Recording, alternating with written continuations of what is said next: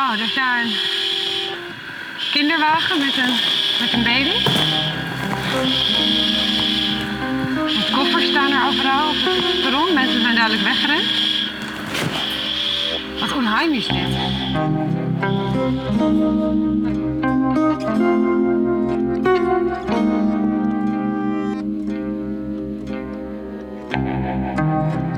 Termen als nucleaire dreiging en chemische wapens kunnen zo groot overkomen dat het bijna niet te bevatten is waar we het nou eigenlijk over hebben. Om het concreter te maken ben ik afgereisd naar de kazerne in Vught. Om te ervaren hoe Nederlandse militairen omgaan met mogelijke aanvallen en ongelukken met doodenge gassen. Want wat kan er eigenlijk gebeuren als bepaalde apparaten, zoals een massaspectrometer, in verkeerde handen vallen? En wat gebeurt er als er een dodelijk gas wordt vrijgelaten in een Nederlands metrostation? Mijn naam is Liesbeth Rasker.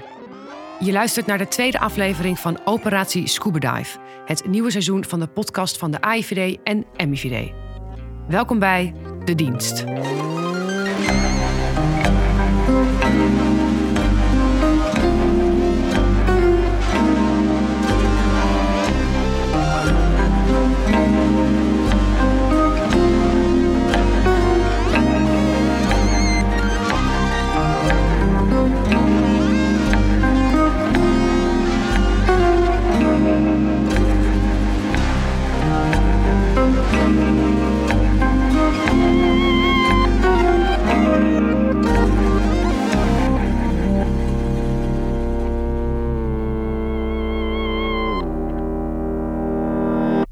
Vanaf het station van Den Bosch stap ik op de OV-fiets en fiets langs weilanden waar de paarden op hun dode gemakje staan te grazen naar de kazerne in Vught.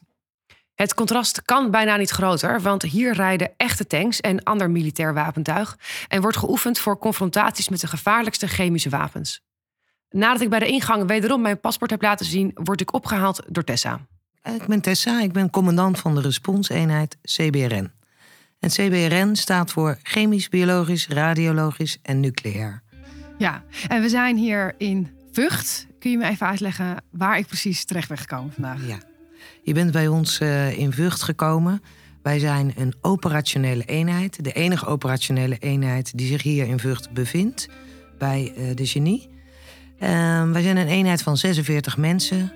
Verdeeld over zes teams. Die Mhm. teams zitten 24-7 op dienst en zijn binnen vijf minuten aanrijdend naar een plaatsincident of een plaatsdelict waar zich een dreiging heeft voorgedaan met een CBRN-achtergrond. Tessa vertelt dit allemaal zonder blikken of blozen, want het is natuurlijk voor haar dagelijkse kost. Maar wat ze in feite zegt is: als er ergens een gifgasaanval zou zijn, wordt de unit gebeld waar zij de commandant van is. Hoe word je dat? Hoe word je dat? Dat word je denk ik met passie. Met, ehm, ik heb iets met veiligheidsdenken. Daar heb ik ook historie mee. eh, mijn loopbaan in eh, vervolgd. Ik kom bij de politie vandaan. Eh, ik weet wat het is om op een plaats delict te staan. Dus ik vind het heel erg leuk om deze relatief jonge club mensen daarop voor te bereiden. te zorgen dat ze goed voor elkaar zorgen. dat teamgevoel ontzettend belangrijk is in een hoog risico beroep. Ja.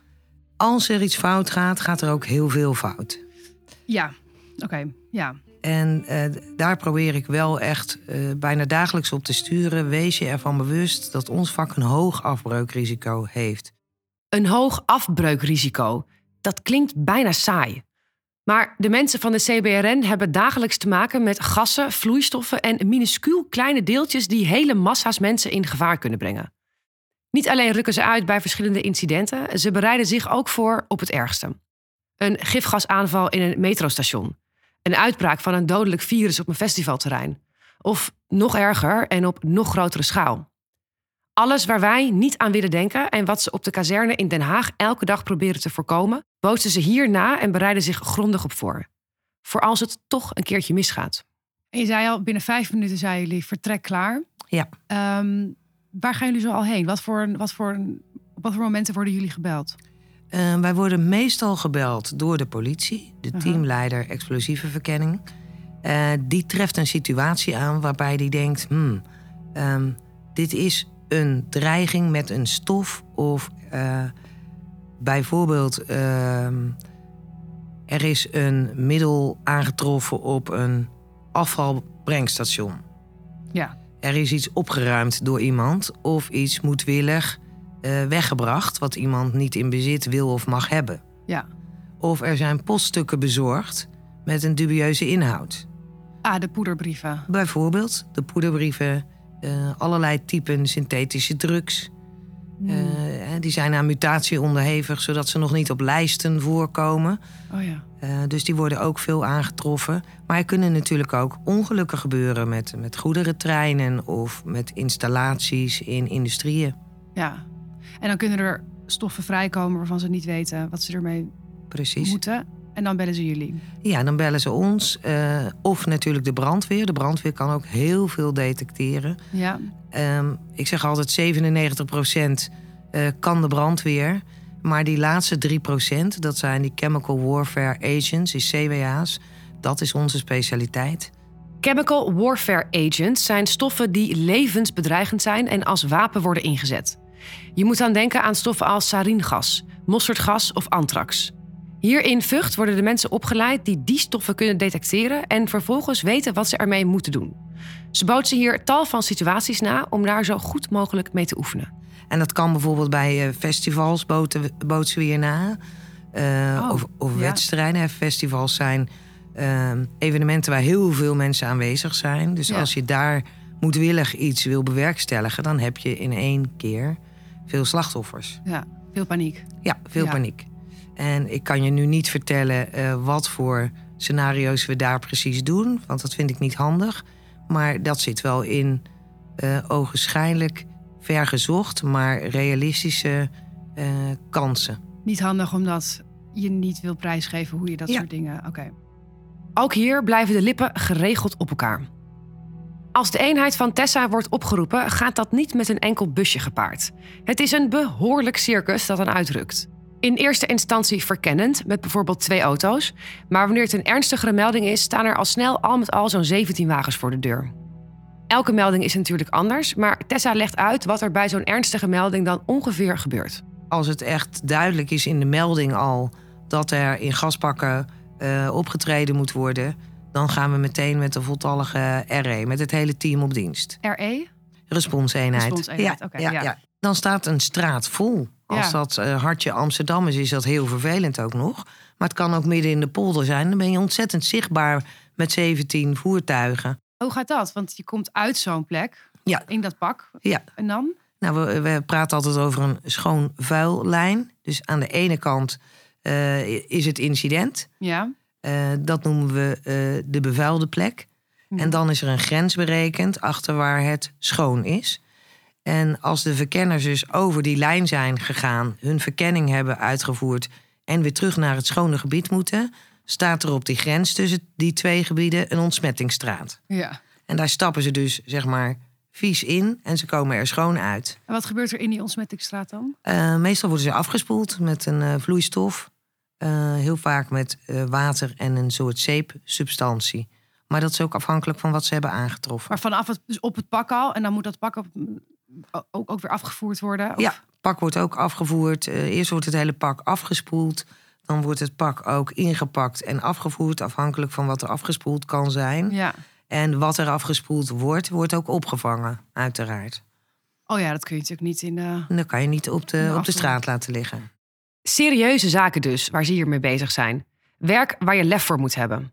Of, zoals Tessa het zegt, wij doen een stap naar voren als alle andere mensen wegrennen.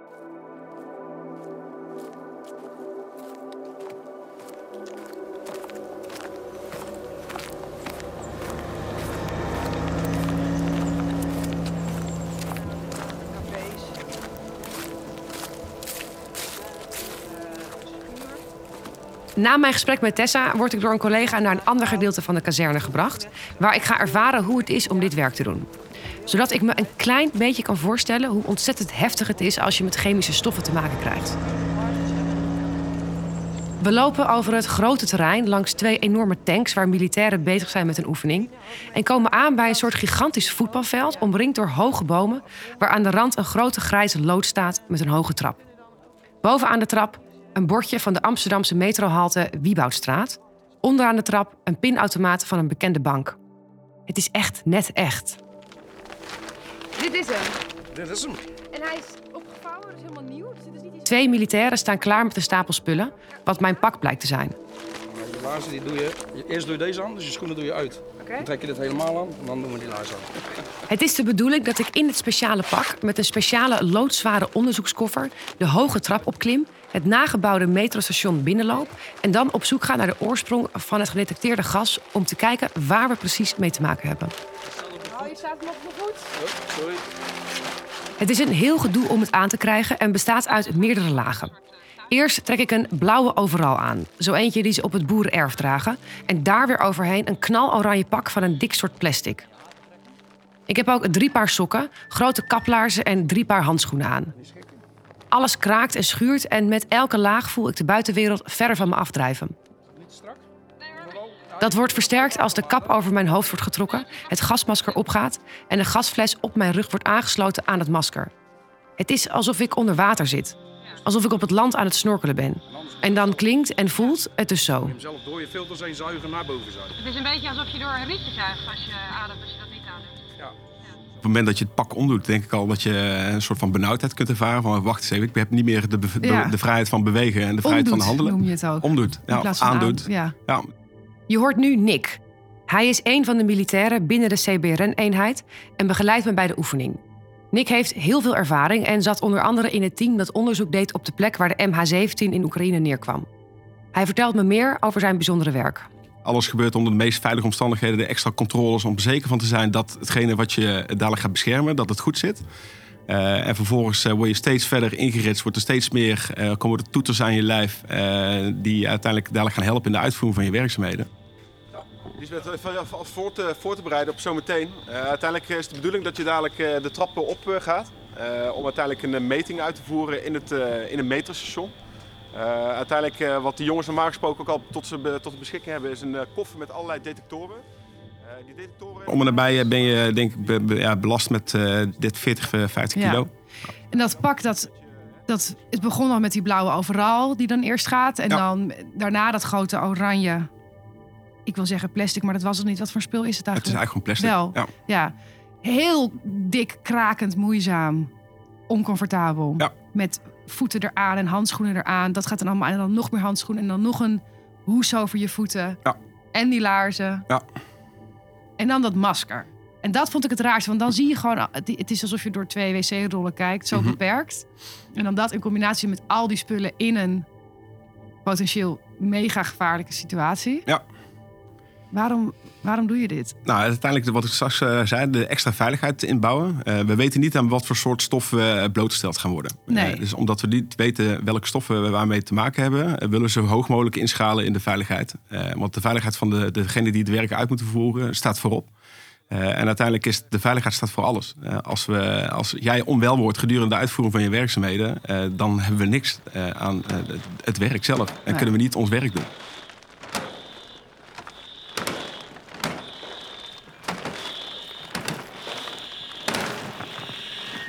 Het is echt Je ziet ook helemaal niet waar je loopt. Wow. Bizar, hè?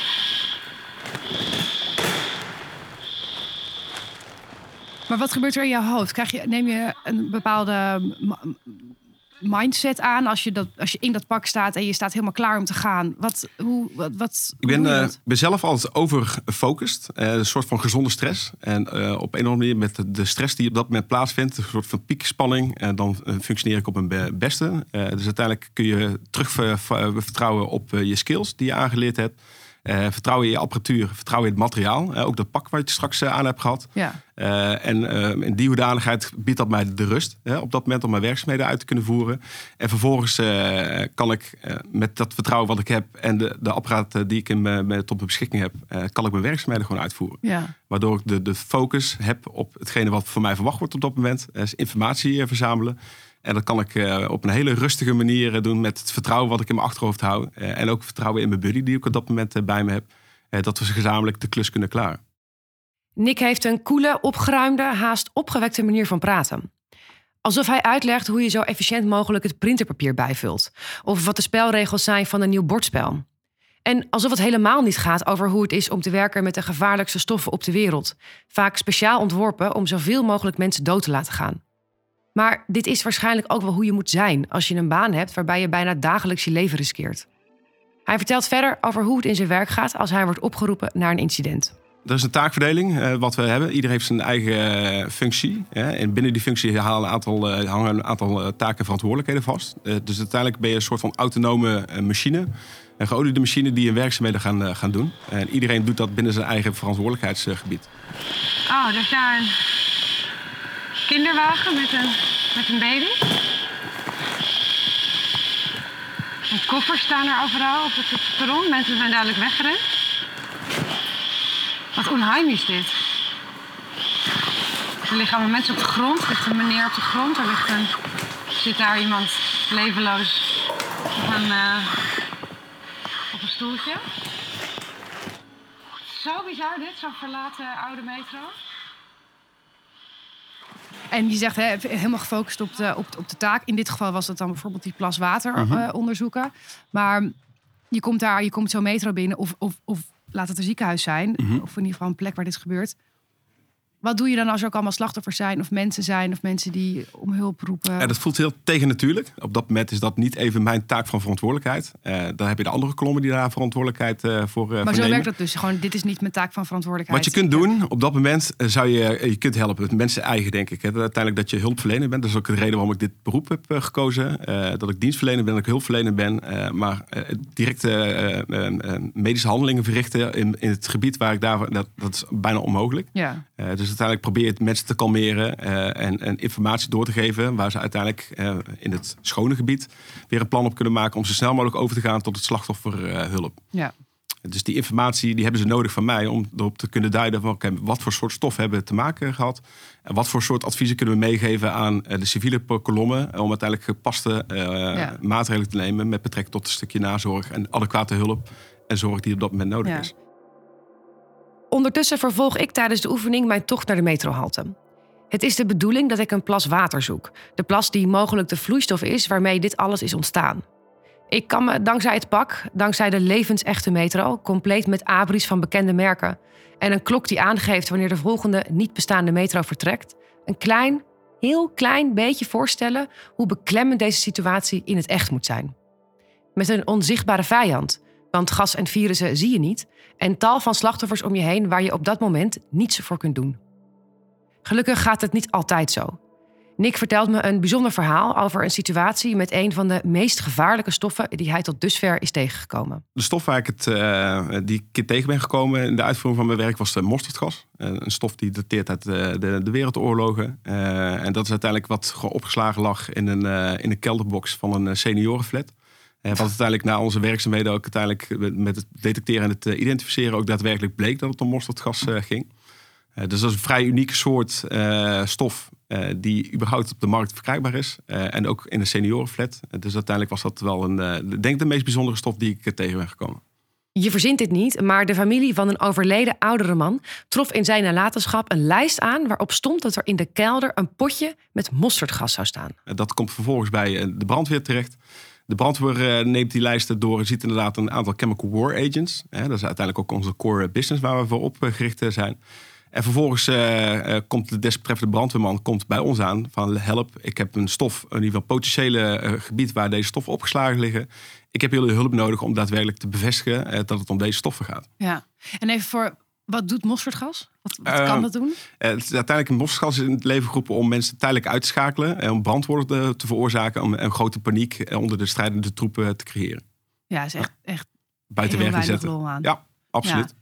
Uiteindelijk, ik ben volledig gefocust. Uh, ik heb vertrouwen in mijn apparatuur. Ik heb vertrouwen in mijn veiligheid op dat moment. Uh, de stof mosterdgas lag in dit geval opgeslagen in een glazen pot. Wat ook afgesloten was. Er was geen lekkage of wat dan ook uh, te merken. Dus op dat moment had ik niet, had ik niet de angst die mij regeerde. Dat ik zeg van, oh chips. ik heb hier te maken met daadwerkelijk mosterdgas. Paniek, integendeel. nogmaals, de euforie van ik heb hier daadwerkelijk iets gevonden. De spanning ja. die het met meebrengt. En uiteindelijk onder gecontroleerde omstandigheden mijn werkzaamheden kunnen verrichten. Want je bent zo niet mobiel. Altijd met die buis op mijn rug, dit heet hij vergeet, knal je dan ergens tegenaan. En je ziet inderdaad echt Dus alsof je door twee wc-rollen kijkt, zeg maar. Zo, eh, zo koker. echt een koker-effect, ja. En je kan niet goed bewegen? Het mosterdgas waar Nick net over vertelde, bleek een onschuldige aanleiding. Een scheikundedocent die als hobby verschillende gassen verzamelde. Maar ik moet er niet aan denken wat er was gebeurd als die lijst niet op tijd was gevonden en het potje achterloos in de glasbak werd gegooid. Dan ben je behoorlijk blij dat je ingezwachteld bent in dikke lagen plastic, een benauwend maar veilig ruisend gasmasker en drie lagen handschoenen. Die er trouwens voor zorgen dat je maar nauwelijks je vingers kunt bewegen. En zie dan maar met een klein pipetje een monster te nemen van een gevaarlijke plas onbekende vloeistof. Het kan zijn dat je in een voorkomend geval eh, toch iets van een druppeltje op je werk eh, of op je, op je handschoenen krijgt. Eh, dan hoef je dus niet het hele pak uit te trekken. Ja. Maar kun je slecht beperken tot het ene handschoentje wat mogelijk in, in contact is geweest met de gevaarlijke stof. Ja. Dat is de reden waarom uiteindelijk die handschoentjes gedragen worden. Omdat ze opnieuw uitgedaan kunnen worden. En vervolgens weer een nieuwe. Waardoor je voor langere tijd je werkzaamheden kunt voltooien. Ja, maar los van of het nou wel of niet je goede maat is, als je er vier handschoenen over elkaar hebt, dan heb je nog Ja. steeds gewoon een enorme beperking van je Ja. motoriek. Ja, absoluut. Maar daar trainen jullie dus ook op dat je dan alsnog. Hele simpele oefeningen met het eh, bouwen van een kaarthuis. eh, in, eh, met, met de handschoenen aan. En dan hoef je niet het Oh, volledig ja? in pak. Maar gewoon even met de handschoenen om eens even die fijne motoriek te controleren te- en verder te ontwikkelen. Het bouwen van een kaartenhuis. Bijvoorbeeld. Ja, wel symbolisch. Ja. Als dat dan instort. absoluut. Ja. Ja. Je zei heel even, hè, niet in paniek raken. En wat ik ook met het pak vond, je voelt je er op een gekke manier ook heel veilig in. Omdat je zo Mhm. afgesloten zit en Ja. echt in een eigen... Bubbel. Ja, en je, Ja. en je, je hoort het ook allemaal heel anders. Het geluid is slecht. Als in je kan niet Hm. goed, vond ik dan de buitenwereld horen. Ehm, maar ben je wel eens in paniek geraakt? Of bijna?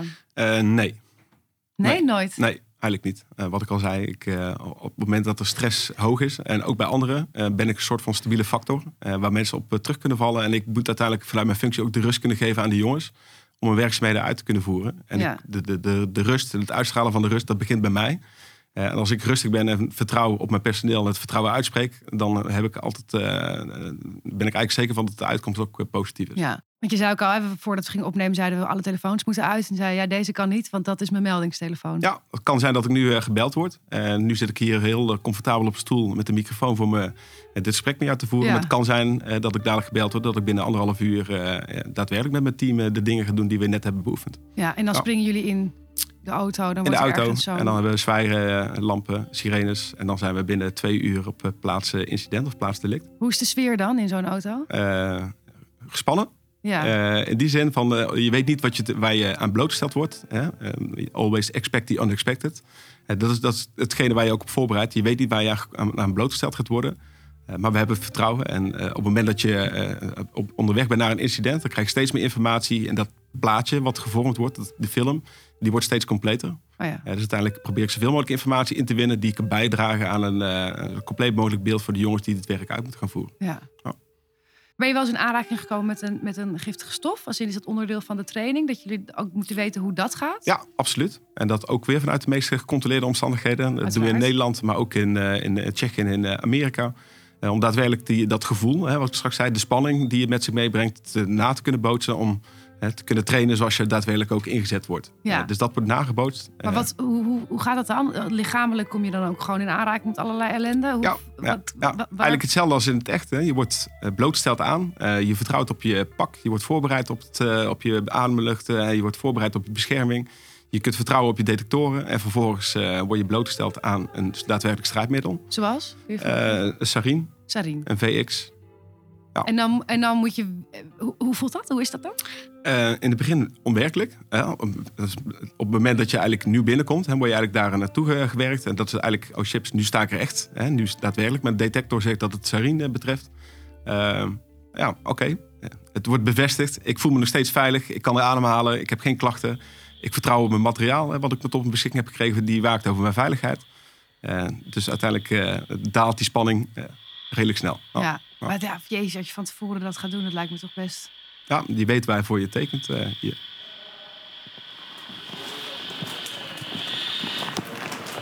Bizar dit, toch?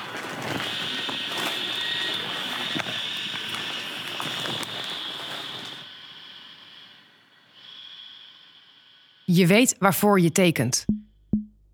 Het is een zin die ik extra in mijn achterhoofd gehouden tijdens de rest van het onderzoek naar Hassan Karniep, die dus een massaspectrometer probeert te kopen. Want stel dat ding komt op de verkeerde plek. En stel er wordt iets mee gemaakt waardoor mensen als Nick moeten uitdrukken en alle mensen zonder pak het niet zullen kunnen navertellen. Dit is waarvoor Thomas en zijn collega's elke dag naar hun werk gaan. Na mijn dag in Vught neem ik weer contact op met hem om te vragen of ze in Den Haag al verder zijn gekomen met het onderzoek. In de volgende aflevering hoor je wat er precies ontdekt is en wat de volgende stappen in ons onderzoek gaan zijn.